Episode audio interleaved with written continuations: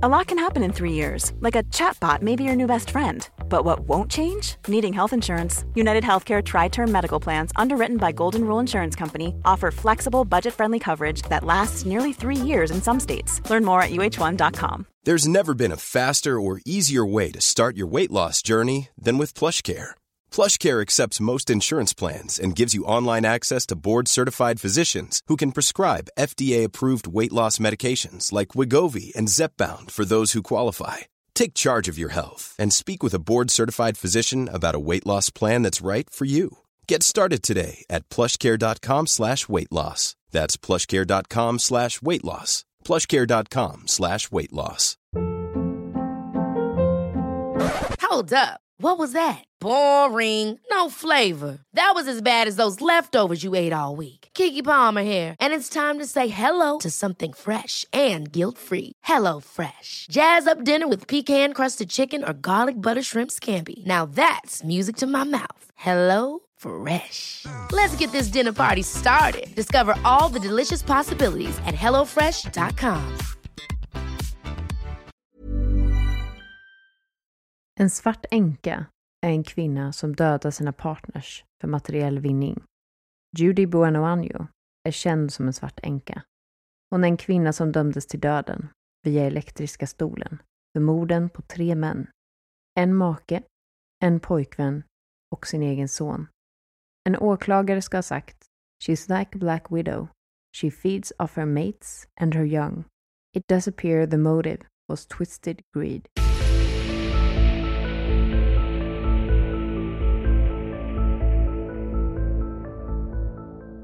Dags för ett nytt avsnitt av Rysapodden, nummer åtta för att vara exakt. Mm. Och snart får vi ju faktiskt fira tvåsiffrigt antal avsnitt av Rysapodden. Och jag måste säga att jag känner mig väldigt redo för temat som vi har satt för det här avsnittet. Verkligen, samma här. Men innan vi går in på själva temat så måste vi ju berätta om något som vi är väldigt taggade på. Snart är det ju dags för någonting som verkligen passar in på våra tema kring rysare. Det är ju nämligen dags för loppet Run for your lives. Och det här är ju alltså ett lopp som är ungefär 6 kilometer långt med olika typer av hinder som man ska lyckas ta sig förbi utan att bli ihjälskrämd på vägen av exempelvis zombies. Och det här är ju verkligen ett riktigt skräcklöparlopp. Men man kan ju såklart välja helt själv om man vill springa, gå eller kanske till och med krypa sig igenom det. Även om jag tror att man på grund av skräck kommer att springa en hel del. Men huvudsaken är ju att man kommer över mållinjen på ett eller annat sätt. Och Run for your lives kommer att äga rum vid Ringsöns industriområde i Göteborg lördagen den 5 oktober och i Örebro city lördag den 26 oktober. Och vi kommer ju själva att springa loppet nere i Göteborg. Det vill säga förutsatt att vi inte dör halvvägs igenom av en blandning av bristande kondition och skräck. Men det är i alla fall tanken. Det kommer nog gå alldeles utmärkt.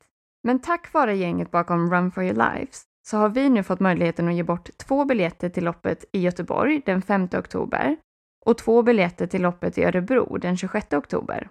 Så vår tanke är därför att vi kommer köra en liten tävling på vårt Instagramkonto där ni, våra kära lyssnare, har chansen att vinna de här biljetterna. Och det kommer faktiskt vara väldigt enkelt att tävla. Vi kommer att lägga ut ett inlägg och i kommentarsfältet så får ni bara då tagga den personen som ni vill springa loppet med, eller skrämma ihjäl kanske. Och sen är det väldigt viktigt att ni ser till att ni båda två följer oss på Instagram. Och slutligen att ni också skriver i er kommentar vilken stad ni skulle vilja springa i. Antingen då i Göteborg eller i Örebro. Och vi kommer att lägga ut det här tävlingsinlägget samma dag som podden släpps, alltså söndag den 8 september. Och ni kommer sen ha en vecka på er att tävla, till söndagen den 15 september. Och sen kommer vi slumpmässigt välja två av er som vinner biljetter till er själva och till ert valda skräckloppssällskap. Och som om det här inte var nog så kommer vi såklart också att skicka över en riktigt tjusig Rysapodden-tröja som ni kan springa loppet i.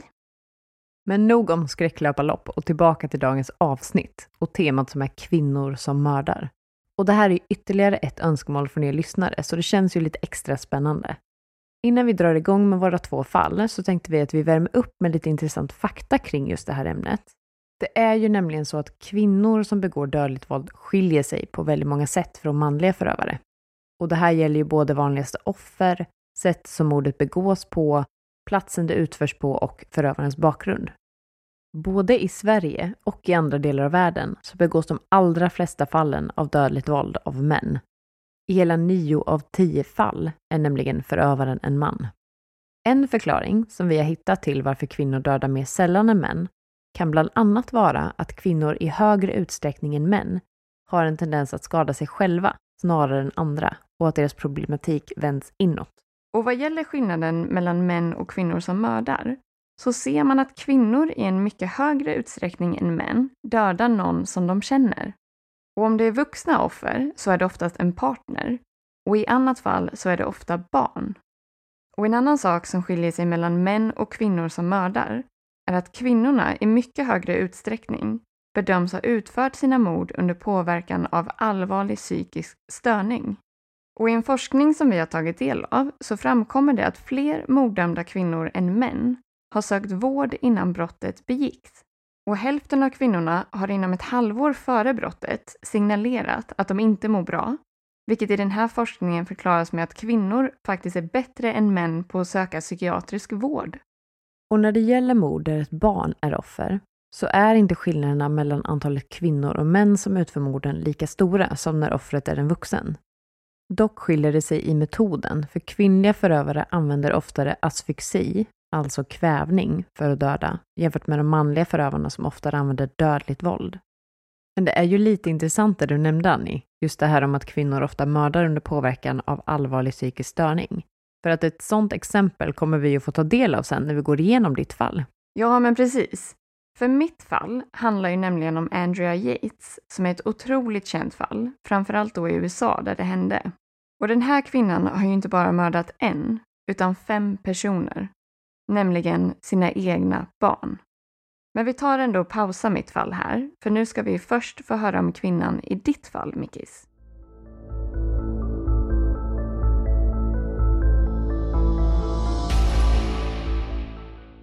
Judy Buenoano föddes 4 april 1943 och hette då Judias Welty. Hon bodde med sin mamma, pappa och sina tre syskon i Texas. Familjen var från Latinamerika och när Judy var fyra år gammal så dog hennes mamma av tuberkulos. Judy och hennes yngre bror Robert skickades då för att bo med sina morföräldrar och flyttade sedan runt en del bland olika hushåll. Judys två äldre syskon adopterades bort när deras pappa gifte om sig ett par år senare så flyttade Judy och Robert tillbaka till sin pappa som nu bodde i New Mexico. Judys familjeförhållanden var inte bra, varken hos sin pappa eller i de tidigare familjerna hon bodde hos. Hon påstår själv att hon blev slagen, att hon fick svälta och att hon blev tvingad att jobba som en slav i de här hemmen. När Judy var 14 år gammal så spenderade hon två månader på en anstalt efter att ha attackerat sin pappa, styrmamma och sina två styrbröder. Efter att hon kom ut därifrån så valde hon att studera på en internatskola istället för att återvända hem. Hon tog examen vid 16 års ålder, alltså 1959. Hon fick sitt första jobb året därpå som sjuksköterskeassistent. Judys bild av sin familj var av förklarliga skäl inte så bra och hon påstås ha sagt om sin bror Robert att I wouldn't spit down his throat if his guts were on fire vilket vissa av oss skulle kunna tycka är lite grovt. Den 30 mars 1961, bara ett par dagar innan Judy skulle fylla 18, så föder hon en son, Michael. Hon är ogift och man vet inte vem pappan är. Ett år senare, alltså 1962, så gifte sig Judy med en flygvapenofficer som heter James Goodyear och blev då Judy Goodyear. De bodde i Orlando och fick två gemensamma barn. James Jr som föddes 1966 och Kimberly som föddes 1967. James adopterade även Judys son Michael. Fyra år senare, året 1971, bara ett par månader efter att James kommit hem från kriget i Vietnam, så fick han mystiska symptom. Han började bli illamående, kräkas, få feber och hallucinerade. Han blev senare inlagd på sjukhus, där han dog i september samma år. Vid sin sida hade han sin kärleksfulla fru Judy. James hade en livförsäkring, vilket gjorde att Judy fick ut pengar på försäkringen när James dog. Senare samma år brann oturligt nog även Judys hem ner och hon fick ut ytterligare pengar på försäkringen. Och det här var början på ett dödligt mönster för Judy.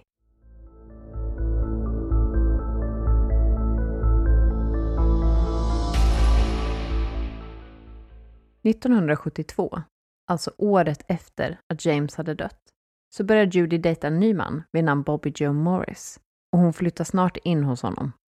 Judy börjar dock få det struligt med sin son Michael som har det svårt i skolan och beskrivs ha en ganska låg intelligensnivå. Hon skriver därför in honom på ett boende under en tid. 1977, efter fem års relation med Bobby Joe, så flyttar han till Colorado och strax därefter så följde Judy och hennes barn, inklusive Michael, med honom. Innan de flyttar råkar de dock ut för ytterligare en husbrand, vilket leder till att Judy får ut pengar på försäkringen igen. Ett par månader efter flytten, närmare bestämt i januari 1978, så börjar Bobby Joe få samma mystiska symptom som Judys avlidna make James och blir inlagd på sjukhus. Han skrivs sedan ut därifrån, men kollapsar i hemmet och dör kort därefter. Judy får återigen ut försäkringspengar. Bobby Joes familj misstänker dock att Bobby Joe blir mördad och att han kanske inte heller var det enda offret. Samma år som Bobby Joe dog så ändrade Judy sitt efternamn till Bueno Año, vilket är den spanska översättningen av Goodyear, det efternamn som hon hade efter sin avlidna make. Judys son Michael, som hade haft det fortsatt struligt i skolan, valde när han var 18, alltså 1979, att ta värvning i armén. Under en av sina permissioner så åker han hem för att besöka sin mamma. Strax därefter så börjar han också att visa samma mystiska symptom som Judys tidigare partners. Han dör inte, men efter ett par veckor så har musklerna i Michaels armar och ben börjat förtvina så pass mycket att han inte kunde använda sina händer och behövde metallskenor på benen för att kunna gå. Han blev utskriven från armén och efter att ha behandlats på sjukhus så flyttar han hem till sin mamma Judy som då skulle vårda honom i hemmet. Dagen efter att Michael har flyttat hem från sjukhuset så tog Judy med sina två söner Michael och James på en liten kanottripp. De sätter en stol i mitten av kanoten som de placerar Michael på. Tyvärr så kantrar den här kanoten och James och Judy lyckas ta sig i land. Michael har inte samma tur. Hans tunga metallskenor gör att han inte orkar simma och han drunknar. Judy har ganska många versioner om vad det var som hände. Bland annat att de körde på en stock som fick kanoten att kantra, att de fiskade och linan fastnade i ett träd och även att en orm ska ha tagit sig ner i kanoten. Judys yngre son James påstår sig inte minnas händelsen för att han slogs medvetslös vid kantringen av kanoten. Michaels död ses som en olycka och efter det här får Judy ut 20 000 dollar från Michaels militära livförsäkring. Efter det här så öppnar Judy en liten skönhetssalong och börjar även dejta en affärsman vid namn John Gentry. De förlovar sig i oktober 1982. Judy ska ha berättat om sina tidigare relationer och sagt att hennes första make James dog i en flygolycka och att Bobby Joe dog av sin alkoholism. Judy lyckas övertala John att skaffa en livförsäkring som hon senare i smyg höjer till 500 000 dollar. I november 1982 så är John förkyld och då tycker Judy att det här är ett ypperligt tillfälle att ge honom det han tror är C-vitaminer. John mår inte bättre av att ta de här vitaminerna utan han blir yr och illamående. När han berättar det här för Judy så är hennes tips att han bör nog dubbla dosen och hon blir arg på honom när han istället slutar ta vitaminerna. John har dock hunnit bli så dålig att han blir inlagd på sjukhus. Och när han är på sjukhuset så börjar han sakta men säkert bli bättre. Och han tar ju inte heller sina speciella vitaminer under den här tiden. John förstår dock inte att hans kära fästmö försöker förgifta honom. Ett par månader senare så har det hunnit bli 1983 och då berättar Judy glatt för John att hon är gravid och föreslår att John ska åka och köpa champagne så att de kan fira att de ska ha barn. John går ut till sin bil, sätter i nyckeln och vrider om. Bilen exploderar. John blir såklart väldigt skadad av den här händelsen, men överlever mirakulöst. Polisen hittar dynamit i bagageutrymmet på Johns bil. Och när polisen frågar John vem som skulle vilja se honom död så har han ju ingen aning. Men han nämner ändå att han har varit dålig en tid innan på grund av vitaminer som han har fått av sin fästmö Judy. Polisen finner också den livförsäkring som är tecknad på John på en halv miljon dollar och deras misstanke ökar. När polisen söker igenom huset som familjen bodde i så fann man samma kablar som vid bilbomben. Enligt vissa källor så ska man ha hittat de här kablarna i James Juniors rum och tanken är väl då att de ska tillsammans ha planerat det här, James Junior och Judy. James Junior är dock inte dömd för någonting. En annan intressant sak som polisen fann var att Judy hade bokat en kryssning för sig själv och för barnen, men inte för John. Det framkom också att Judy inte alls var gravid.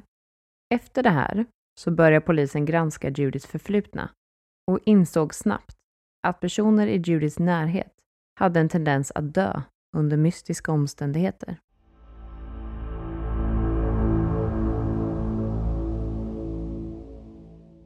När den här informationen började komma upp till ytan så väljer man att gräva upp kropparna av Judys son Michael, hennes första make James Goodyear och hennes tidigare pojkvän Bobby Joe.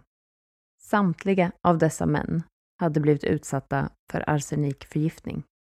Judy grips 1983 och under rättegången så vittnar Judys dotter Kimberly för försvaret och vittnar bland annat om att Bobby Joe ska ha utnyttjat henne sexuellt. Judy döms året därpå för mordet på sin son Michael. Man kommer fram till att Judy har simulerat att kanoten har kantrat efter att redan ha fått ner Michael i vattnet där han drunknar. Under rättegången så vittnar bland annat personal på sjukhuset som behandlade Michael och släppte honom i Judys vård. I det här vittnesmålet så framkommer att både Michael och Judy hade informerats specifikt kring hur svårt Michael skulle ha för att fiska och att stora säkerhetsåtgärder skulle behöva göras om han skulle ut och fiska. Och det här berodde ju på att hans skenor som han hade på benen skulle göra att han inte skulle kunna simma eller rädda sig själv om han hamnade i vattnet. Det fanns också en kvinna vid namn Constance Lang som var granne och senare också bodde hos Judy en period för att hjälpa till att ta hand om Michael, som vittnade. Hon berättar att Judy skämdes över Michael och att när de fick besök så fick den här kvinnan ta med sig Michael och lämna huset. Det var även en före detta pojkvän till Kimberly som vittnade under rättegången och han vittnade om att Kimberly ska ha erkänt för honom att Judy dödade Michael för att få ut försäkringspengarna. Judy döms även för mordförsöket på sin pojkvän John. Ett år senare så döms hon även för mordet på James Goodyear. Judy döms till 12 års fängelse för mordförsök på John och hon får livstid för mordet på Michael. Och hon döms till döden för mordet på James. Judy döms också för mordet på Bobby Joe och för flera andra försäkringsbedrägerier. Men eftersom Judy redan fått ett dödsstraff för mordet på James så får hon inga ytterligare straff för de här domarna. Judy ska även ha varit misstänkt för flera andra mord, bland annat ett som skedde 1974 och även dödsfallet av en av hennes tidigare pojkvänner. Men det här kunde man aldrig bevisa och när hon väl blev misstänkt så var hon redan på death row. Den sammanlagda summan som Judy ska ha fått ihop i försäkringspengar genom de här brotten som hon begick var 240 000 dollar. Efter att Judy dömdes så spenderade hon sina nästkommande år i fängelset där hon skrev brev, virkade filtar och barnkläder, ritade samt höll i bibelstudier. Hennes dotter Kimberly säljer idag saker som Judy har gjort via nätet. Och jag tänker att vi kanske kan länka till den sidan som jag hittade, där de säljer ett kort som hon har ritat, något brev och sen en kopia på hennes dödsdom. Alltså priset på de här grejerna. Det finns ett julkort som Judy har ritat. Sen har hon signerat det och skrivit på det. Och det kostar 1500 dollar. Sen finns det billigare grejer, exempelvis kopian av hennes dödsdom som man kan få för 12 dollar. Judys sista överklagan avslogs i mars 1998 och hennes dödsdom skrevs under. Judy spenderade sina sista timmar i livet med sina två vuxna barn, Kimberly och James, samt några andra släktingar och sina advokater. En av poliserna som jobbade på utredningen med Judy ska ha sagt att om hon bara hade låtit sista pojkvännen vara, alltså John, som hon blev dömd för mordförsök på, så hade hon antagligen kunnat komma undan med sina brott. Samma polis ska också ha beskrivit henne som den kallaste mördare denne någonsin träffat.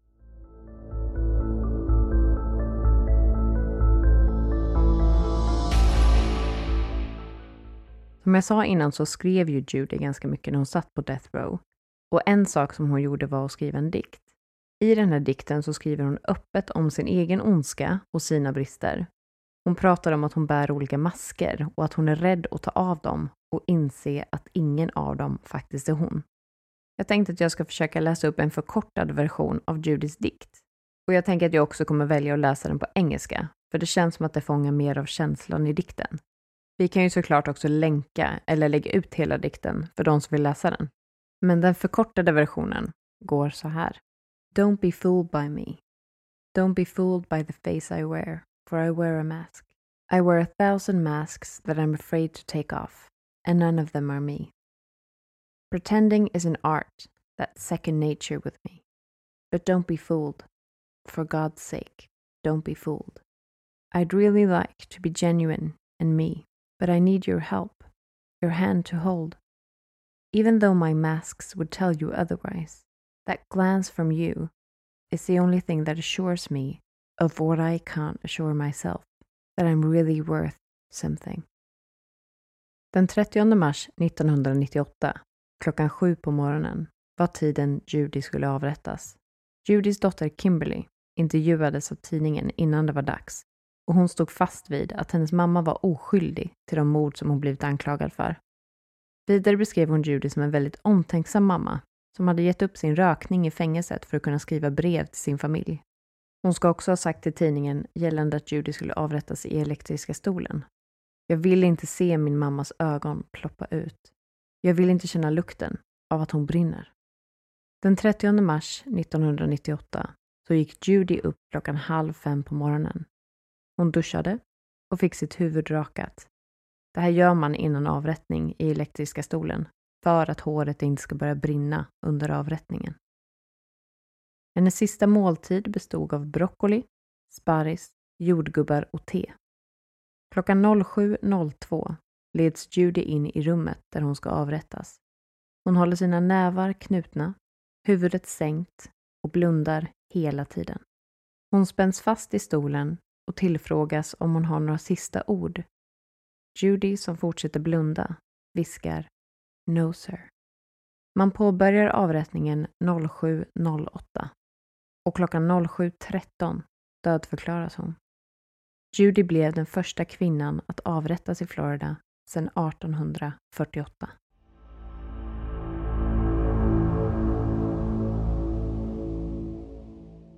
Inte för att gå in på hela diskussionen om just dödsstraff, men eh, elektriska stolen känns inte som ett särskilt trevligt sätt att dö på. Inte för att hon kanske var speciellt trevlig mot sina offer heller. Nej, jag vet, jag känner lite samma sak. Just elektriska stolen känns som ett fruktansvärt sätt att dö på. Och jag tänker för de som ser det här, för det var ju folk som bevittnade den här avrättningen. Att se någon dö i elektriska stolen känns också fruktansvärt. Men det här är ju verkligen ett intressant fall och hon passar ju också väldigt väl in på det vi pratade om i början vad gäller val av offer och sådär. Och alltså då att kvinnor ofta är benägna att mörda just intima partners och barn. Jo, men det gör hon ju verkligen. Och jag tänker att även kvinnan som du ska prata om gör det. Fast kanske på ett lite mer tragiskt sätt, kan jag faktiskt tycka. Ja, verkligen. Och innan jag tar upp mitt fall så vill jag nämna att jag kommer att ta upp saker kopplade till både våld och mord på barn. Och givetvis är ju det här ett väldigt känsligt ämne och därför skickar vi som vanligt med en liten varning för de av er som inte känner för att ta del av den här typen av innehåll. Och jag ska ju som sagt prata om Andrea Yates, en till synes helylle, religiös och kärleksfull amerikansk hemmafru. Men den 20 juni 2001 så valde hon att dränka sina fem barn, en efter en, i familjens badkar i deras hem i området Clear Lake i Texas. Och givetvis fick det här hela världen att undra. Vad var det som hände egentligen? Och framför allt, hur kunde det få hända?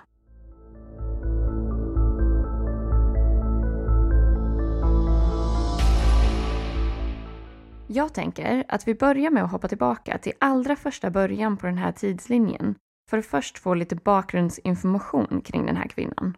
Så, Andrea Pia Kennedy föddes den 2 juli 1964 i Hallsville, Texas och hon var yngst av fem syskon. Hon tog examen från Milby High School som en så kallad Class Valedictorian och som National Honor Society Officer. Så kort sagt kan man i alla fall säga att Andrea under sin skoltid var otroligt skötsam, ambitiös och hade väldigt bra betyg. Lite senare så valde hon att utbilda sig till sjuksköterska vid ett universitet i Houston i Texas. Och därefter jobbade hon som registrerad sjuksköterska på sjukhuset MD Anderson Cancer Center. Andrea beskrivs av andra som en väldigt flitig men också som en ganska blyg tjej överlag. Och hon ska också ha lidit av depression ganska tidigt i livet och enligt vissa källor så ska hon dessutom ha nämnt tankar kring självmord för en kompis när hon var bara 17 år gammal. Och när Andrea sen var 24 år gammal så gick hon igenom ett väldigt tufft uppbrott från en relation och det här ska tydligen ha tagit väldigt hårt på henne. Men ungefär ett år senare så var det sommar och året var 1989. Då träffade Andrea sin blivande man Russell Yates, eller Rusty som han kallades. Och de var då båda två 25 år gamla och de träffades i Houston där de bodde grannar i ett lägenhetskomplex. Och kort därefter så valde paret att flytta ihop och starta ett liv tillsammans. Och i april år 1993 så gifte de sig och hon tog då Rustys namn och blev då istället Andrea Yates. Mindre än ett år efter att de hade gift sig, i februari 1994, så föddes deras första barn, en son som fick heta Noah. Och i samband med det här så fick Rusty ett nytt jobberbjudande i Seminole, Florida och de valde då att flytta dit som en familj där de bosatte sig i en husbil. Och Rusty arbetade som dataexpert och jobbade bland annat med uppdrag för NASA. Rusty och Andrea hade beslutat och gjort ett aktivt val att inte använda preventivmedel utan att helt enkelt bara acceptera det antal barn som Gud önskade att ge dem. Och i december 1995 så födde Andrea parets andra son, John Samuel. Och därefter kom det tredje barnet, också en son, Paul Abraham, i september 1997. Och kort därefter så valde familjen att flytta tillbaks till Houston där de återigen valde att bosätta sig i en husbil. Och när de var tillbaka i Houston så föddes deras fjärde barn, ännu en son, Luke David, i februari 1999. Och nu hade de alltså fyra unga söner och som man kan förstå så blev det inte speciellt mycket sömn för paret och framförallt inte för Andrea som var uppe och ammade var tredje timme och hon fick sova endast ett par timmar per natt, om ens det. Och sen kommer vi nu till det som många kallar för det första varningstecknet. Och det var en dag i juni år 1999, alltså när deras yngsta son var bara några månader gammal. Och den här dagen så ringde Andrea upp sin man på jobbet och beskrev sig själv som väldigt orolig och ångestladdad och när Rusty väl kom hem så hade Andrea väldigt svårt att tala och hon skakade och hon sa till honom att jag behöver hjälp. Och dagen efter den här incidenten så väljer Rusty att ta sin fru och sina barn hem till Andreas föräldrar. Och Rusty beskrev senare att han trodde att hon skulle vara trygg där och få det stöd hon behövde. Men vid ett tillfälle, när alla i familjen låg och sov, så överdoserade Andrea genom att ta 40 tabletter av märket Trazodone, som är en medicin mot depression och har en väldigt stark lugnande effekt. Och de här tabletterna var egentligen utskrivna för hennes pappa, så det var därför de fanns i huset från första början. Och Andrea kunde definitivt ha dött av den här överdosen. Och det som räddade henne var faktumet att hennes mamma hittade henne och att hon togs till sjukhuset i tid innan det var allt för sent. Och efter allt det här så skrivs Andrea in på en psykiatrisk avdelning där hon diagnostiseras med kraftig depression och man skulle kunna säga att den här incidenten var lite av det officiella startskottet för Andreas extrema psykiska ohälsa, som tyvärr bara skulle komma och bli värre och värre.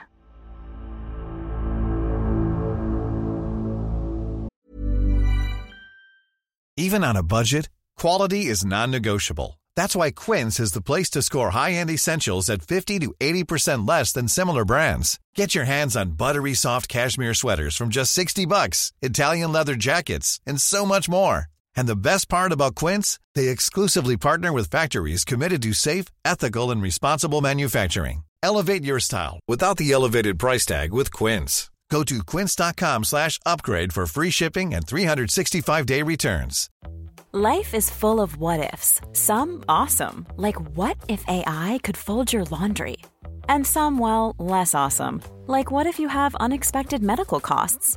United Healthcare can help get you covered with Health Protector Guard fixed indemnity insurance plans. They supplement your primary plan to help you manage out of pocket costs. No deductibles, no enrollment periods, and especially no more what ifs. Visit uh1.com to find the Health Protector Guard plan for you.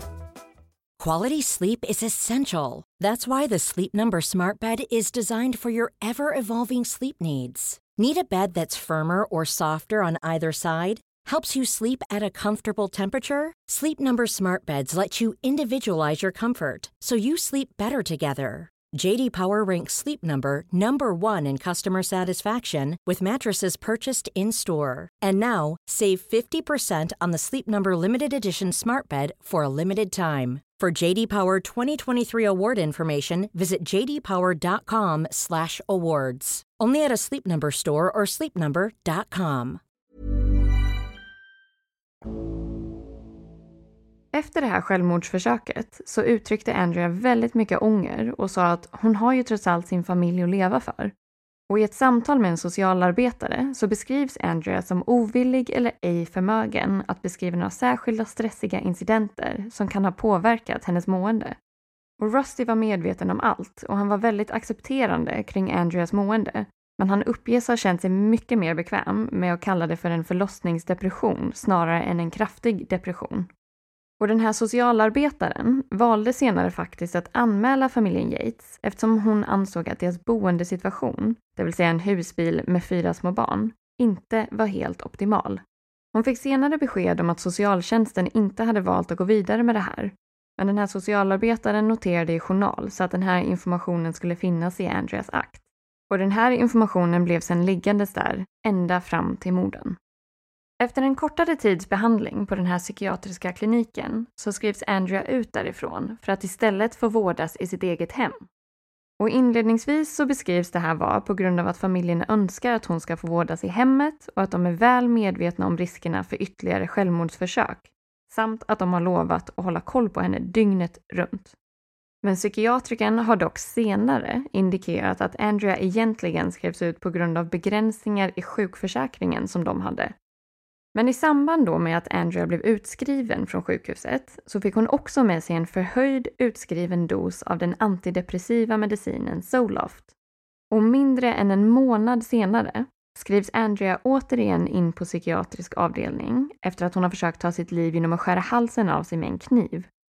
Och hon hade då slarvat väldigt mycket med sin utskrivna medicin och hon hade inte tagit den kontinuerligt. Och när hon blev tillfrågad om det här självmordsförsöket så sa hon att hon var rädd att hon skulle skada någon och att det då var bättre att hon tog sitt eget liv för att förhindra detta. Hon bekräftade att hon hade besatta tankar kring sina barn och hur de skulle bli i framtiden när de växte upp. Och framförallt så beskrev Andrea en stark oro över att uppfostra sina barn rätt och över det stora ansvaret som det innebar och att hon absolut inte ville misslyckas. Och när hon i samtal ombads att spontant skriva ner en mening så skrev hon “Jag älskar min man och mina barn”. När Andrea var inlagd efter det andra självmordsförsöket med kniven så fick hon utskrivet vad som ofta beskrivs som en cocktail av extremt tunga mediciner. Och det var då en mix av antidepressiva och antipsykotiska mediciner. Och en av de starkare antipsykotiska medicinerna var Haldol som starkt påverkar hur man tänker, känner och uppför sig. Och till en början hjälpte den här medicineringen och Andrea verkade må bättre. Men ganska snabbt så vände det igen och hon blev återigen inlagd på psykiatrisk klinik och diagnostiseras till slut med förlossningspsykos. Och det här är en diagnos som kan vara till stor skada både för mamman och för barnet eller barnen. Och den här typen av psykos drabbar cirka en av tusen mammor och ska därför absolut inte förväxlas med förlossningsdepression som är betydligt vanligare och som drabbar ungefär en av tio mammor. Men Andrea var nu alltså återigen inlagd på kliniken och Rusty besökte henne då hela tiden och beskrevs som väldigt stöttande och omhändertagande. Han kom dit med blommor och besöken beskrevs oftast bestå av att Andrea låg på soffan medan Rusty satt bredvid och klappade henne på huvudet. Efter en tid skrevs Andrea ut och skulle istället nu påbörja en helt annan typ av behandling där hon under dagtid befann sig i sjukhusmiljö men att hon ändå fick sova hemma. Och vid den här tidpunkten hade familjen flyttat till ett nytt hus i Clear Lake, Texas. Och Rusty hade köpt det här huset när Andrea blev sjuk eftersom han trodde att det skulle vara mycket bättre för henne än att bo i husbilen som de hade gjort tidigare. Och vi vet ju redan att den här socialarbetaren verkligen höll med om det här faktumet. Efter ett tag så vill Andrea sen sluta helt med alla sina mediciner. Och anledningen till att hon vill sluta med medicineringen är dessutom eftersom att hon vill bli gravid och hon vill ha ännu fler barn. Och Andreas dåvarande psykiatriker, Dr. Eileen Starbranch, påtalar då i journal att det här kommer att garantera framtida psykotiska depressioner. Och hon rekommenderade henne därför att vara konsekvent och fortsätta med sin medicinering även om hon för tillfället verkade må bättre. Men dessvärre lyssnade inte Andrea på den här rekommendationen och hon slutar med all medicinering. Och i mars år 2000 var hon återigen gravid med parets femte barn. Hon skötte då samtidigt hemmastudier, alltså homeschooling som det heter i USA, för den äldsta sonen Noah, samtidigt som hon tog hand om de tre yngre barnen. Och på ytan verkade saker och ting kanske fungera. Och Andrea var verkligen den här typen av engagerad mamma som hjälpte barnen att göra fars dagkort, som gav barnen pussar och kramar och som sydde kostymer till barnen inför olika tillställningar. Men under den här ytan och fasaden så fanns ju fortfarande en kvinna som mådde otroligt dåligt och som dessutom skulle visa sig vara kapabel till helt otänkbara ageranden.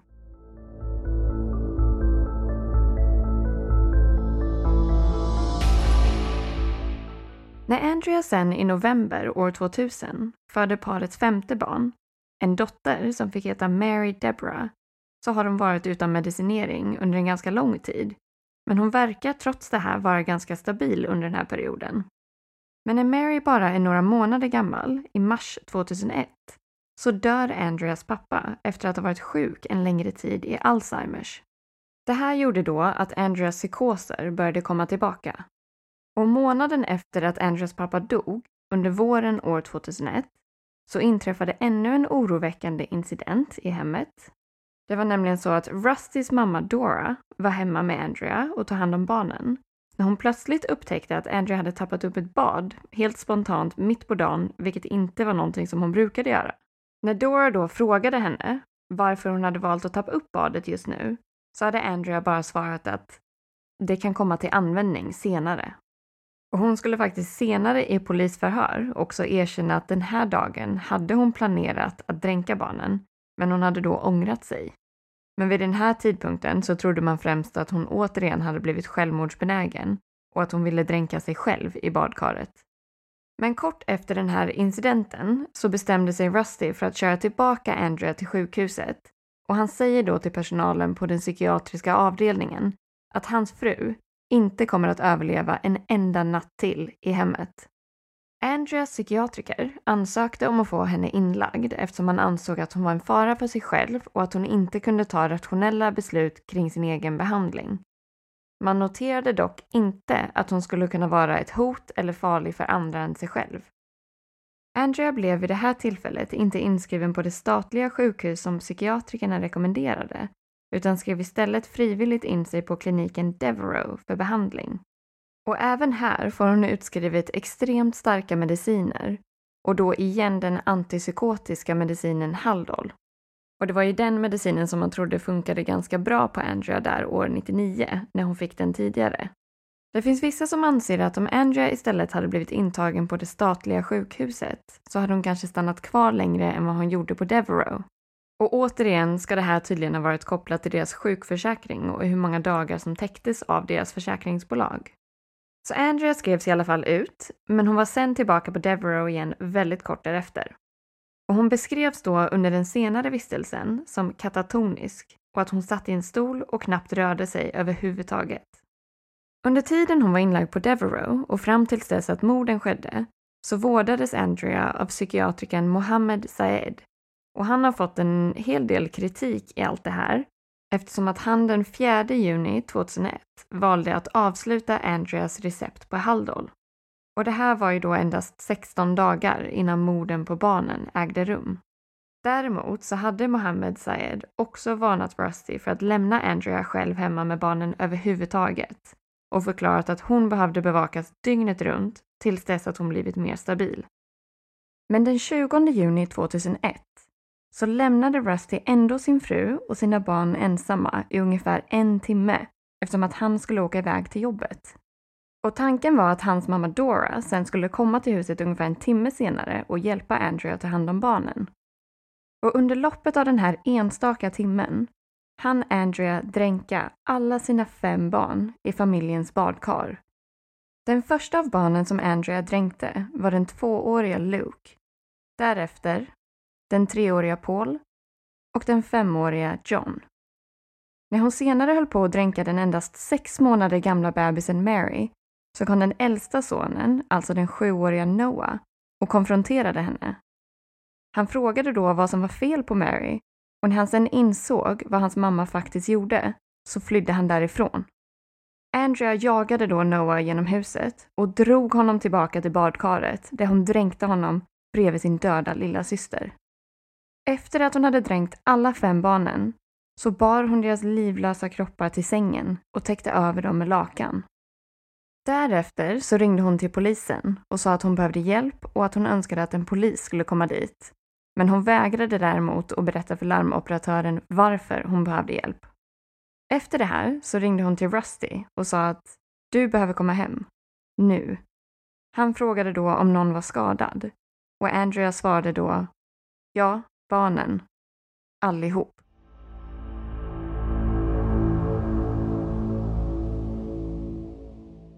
När Andrea dödade sina barn så trodde hon enligt hennes egen utsaga att Satan själv hade tagit över henne och hade skadat barnen så pass mycket att det inte gick att rädda dem. Och hon ska ha sagt till en psykolog att hon trodde att hon, genom att dränka alla fem barnen, skulle få dem att komma till paradiset och att hon då också kunde skydda dem från att växa upp och bli onda människor, precis som hon ansåg sig själv vara. Det fanns inga tecken som tydde på att något av barnen ska ha blivit drogade innan de dränktes. Och det man också då ska ha i åtanke är att de här barnen, speciellt de äldre pojkarna, faktiskt inte var jättesmå. Och det innebär ju att det måste ha krävts en enorm fysisk styrka för att klara av att dränka alla barnen på det här viset. Och speciellt under så pass kort tid och därför påstås det enligt vissa källor att Andrea måste ha drabbats av någon form av besatthet eller liknande när hon utförde de här brutala morden på sina barn. I juli 2001 så åtalas Andrea för morden och hävdar då att hon är oskyldig på grund av tillfällig sinnesförvirring, eller reason of insanity som det heter i USA. Och med begreppet tillfällig sinnesförvirring så menar man att en gärning inte bör medföra ansvar för den som har begått brottet eftersom att personen i fråga lider av en allvarlig psykisk störning och därför också har saknat förmåga att inse gärningens innebörd eller konsekvenser. Men åklagaren däremot ansåg att Andrea borde bli dömd för det högsta möjliga straffet i delstaten Texas, nämligen dödsstraffet.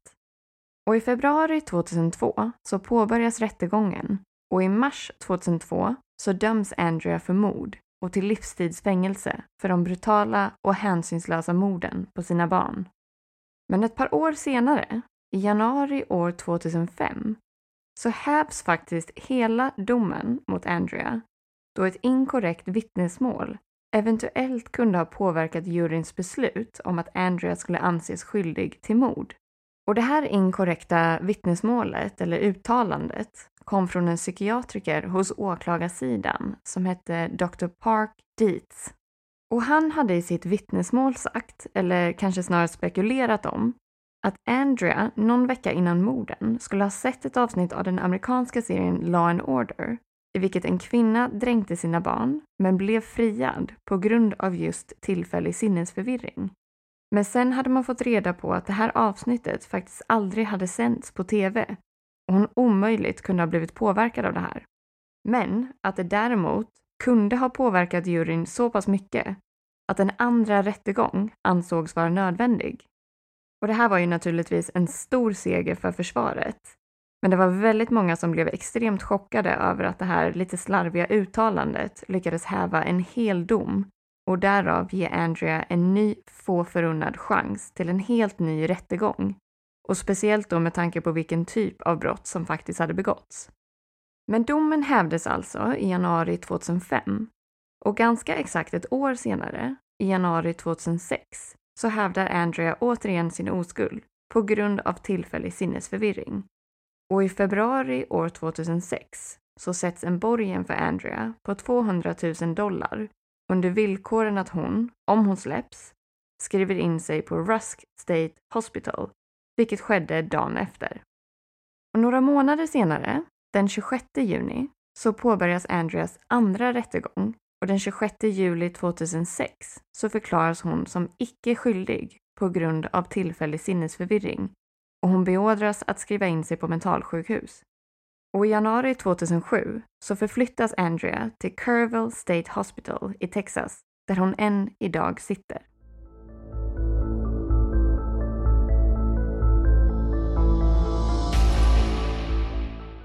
Under den här tiden, alltså mellan åren 2004 till 2005, har Rusty ansökt om och fått igenom skilsmässa från Andrea Yates.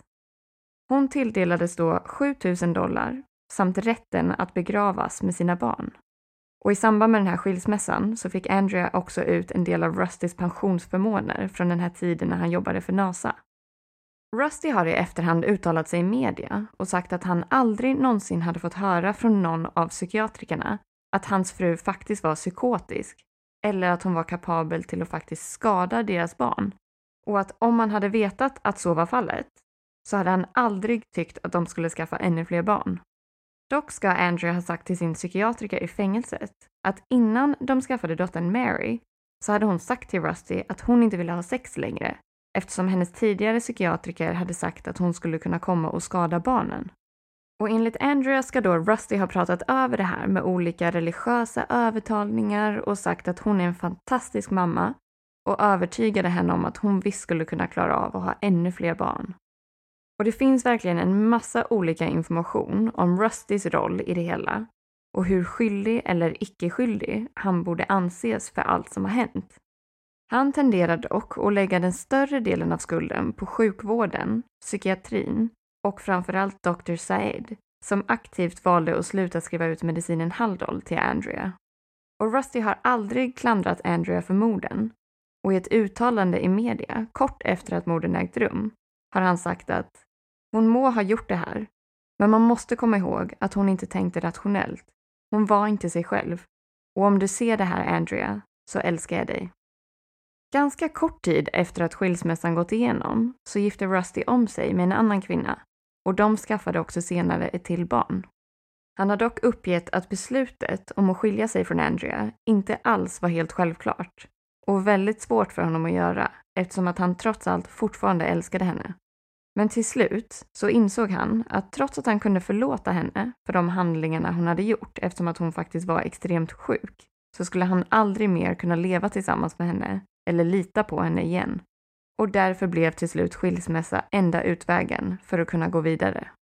Men det finns lite olika anledningar till att en hel del personer gärna vill lägga skulden på Rusty. Och dels handlar det om att ganska många anser att hans beteende i media efter morden känns lite opassande eftersom att han kanske ansåg delta lite för mycket i den här mediacirkusen som uppkom i samband med hela händelseförloppet och framförallt under rättegången. Och det finns också en del filmklipp med Rusty där han ler och kanske inte visar upp det typiska beteendet och sorgen som många förväntar sig av en person i hans sits. Och det kan man ju absolut förstå. Men samtidigt är det ganska svårt att säga hur rätt beteende ska vara när man är med om någonting sånt här och drabbas av extrem chock. Och sen är det ju också så att Andrea var extremt psykiskt sjuk. Och då är det ganska svårt, oavsett hur gärna man kanske vill, att rent krast kunna säga att allt är helt och hållet hennes fel eftersom hon faktiskt inte var frisk vid det här tillfället. Och i och med det så är ju den naturliga reaktionen för många att vilja hitta någon annan att skylla på istället. Och då landar man faktiskt ganska enkelt på Rusty. Och det är väldigt många som ställer sig frågan, kunde inte han ha agerat annorlunda och förhindrat att det här hände från första början? Och det här är ju faktiskt oerhört svårt att svara på för utomstående. Men som sagt anser han sig själv aldrig ha fått höra orden “dina barn kan vara i fara” och så pass mycket att de kan dö. Och just därför ska den tanken aldrig ha slagit honom. Men när man läser om det här fallet och framförallt också läser igenom kommentarsfälten för olika videos och dokumentärer där Rusty blir intervjuad så märker man att väldigt många anser att han tillsammans med vården bär skulden på ett eller annat sätt. Bland annat finns det väldigt många som anser att han medvetet valde att inte se alla varningstecken och indikationer på att något sånt här skulle kunna komma att ske och att han framförallt pushade henne i helt fel riktning när hon redan var psykiskt sjuk och extremt instabil. Och Rusty har fortsatt att försvara Andrea genom åren, men han har också sagt att bara för att jag försvarar Andrea och säger att hon faktiskt var en fantastisk mamma så anser jag inte på något sätt att det hon gjort är försvarbart och att hon ska gå ostraffad. Hennes handlingar var nästan obeskrivligt förgörande för mig och min familj. Och ostraffad blev hon ju absolut inte. Andrea har nu spenderat över ett årtionde inne på Kerrville State Hospital och kommer förbli under statens vård under resten av sitt liv. Och Andreas advokat, George Parnham, beskriver att han träffar henne kontinuerligt och att de då har logiska och rationella samtal med varandra. Och när han har fått frågan om Andrea känner någon ånger för det hon har gjort, så svarar han att hon är självklart medveten och oerhört påverkad av vad som har hänt.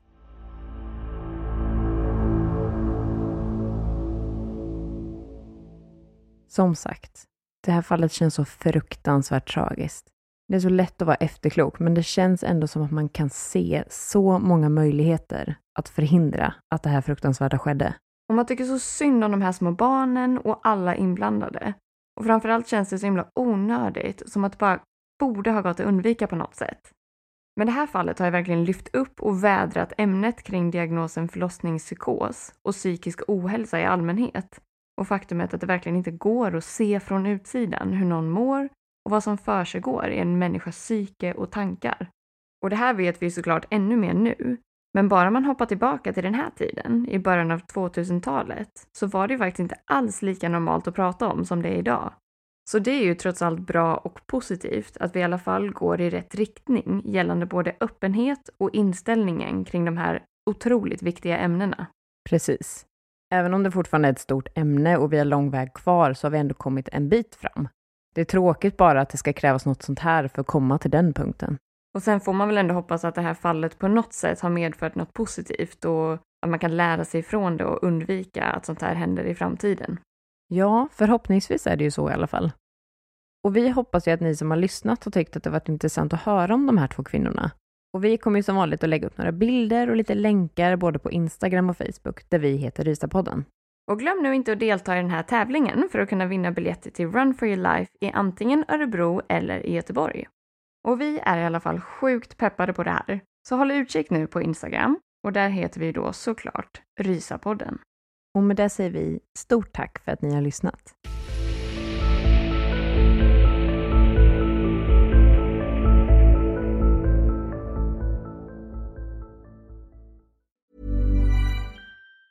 Planning for your next trip? Elevate your travel style with Quince. Quince has all the jet setting essentials you'll want for your next getaway, like European linen, premium luggage options, buttery soft Italian leather bags, and so much more. And it's all priced at 50 to 80% less than similar brands. Plus, Quince only works with factories that use safe and ethical manufacturing practices. Pack your bags with high-quality essentials you'll be wearing for vacations to come with Quince. Go to quince.com slash trip for free shipping and 365-day returns. Hold up. What was that? Boring. No flavor. That was as bad as those leftovers you ate all week. Kiki Palmer here, and it's time to say hello to something fresh and guilt-free. Hello Fresh. Jazz up dinner with pecan-crusted chicken or garlic butter shrimp scampi. Now that's music to my mouth. Hello Fresh. Let's get this dinner party started. Discover all the delicious possibilities at hellofresh.com. Even when we're on a budget, we still deserve nice things. Quince is a place to scoop up stunning high-end goods for 50 to 80% less than similar brands. They have buttery soft cashmere sweaters starting at $50, luxurious Italian leather bags, and so much more. Plus, Quince only works with factories that use safe, ethical, and responsible manufacturing. Get the high-end goods you'll love without the high price tag with Quince. Go to quince.com/style for free shipping and 365-day returns.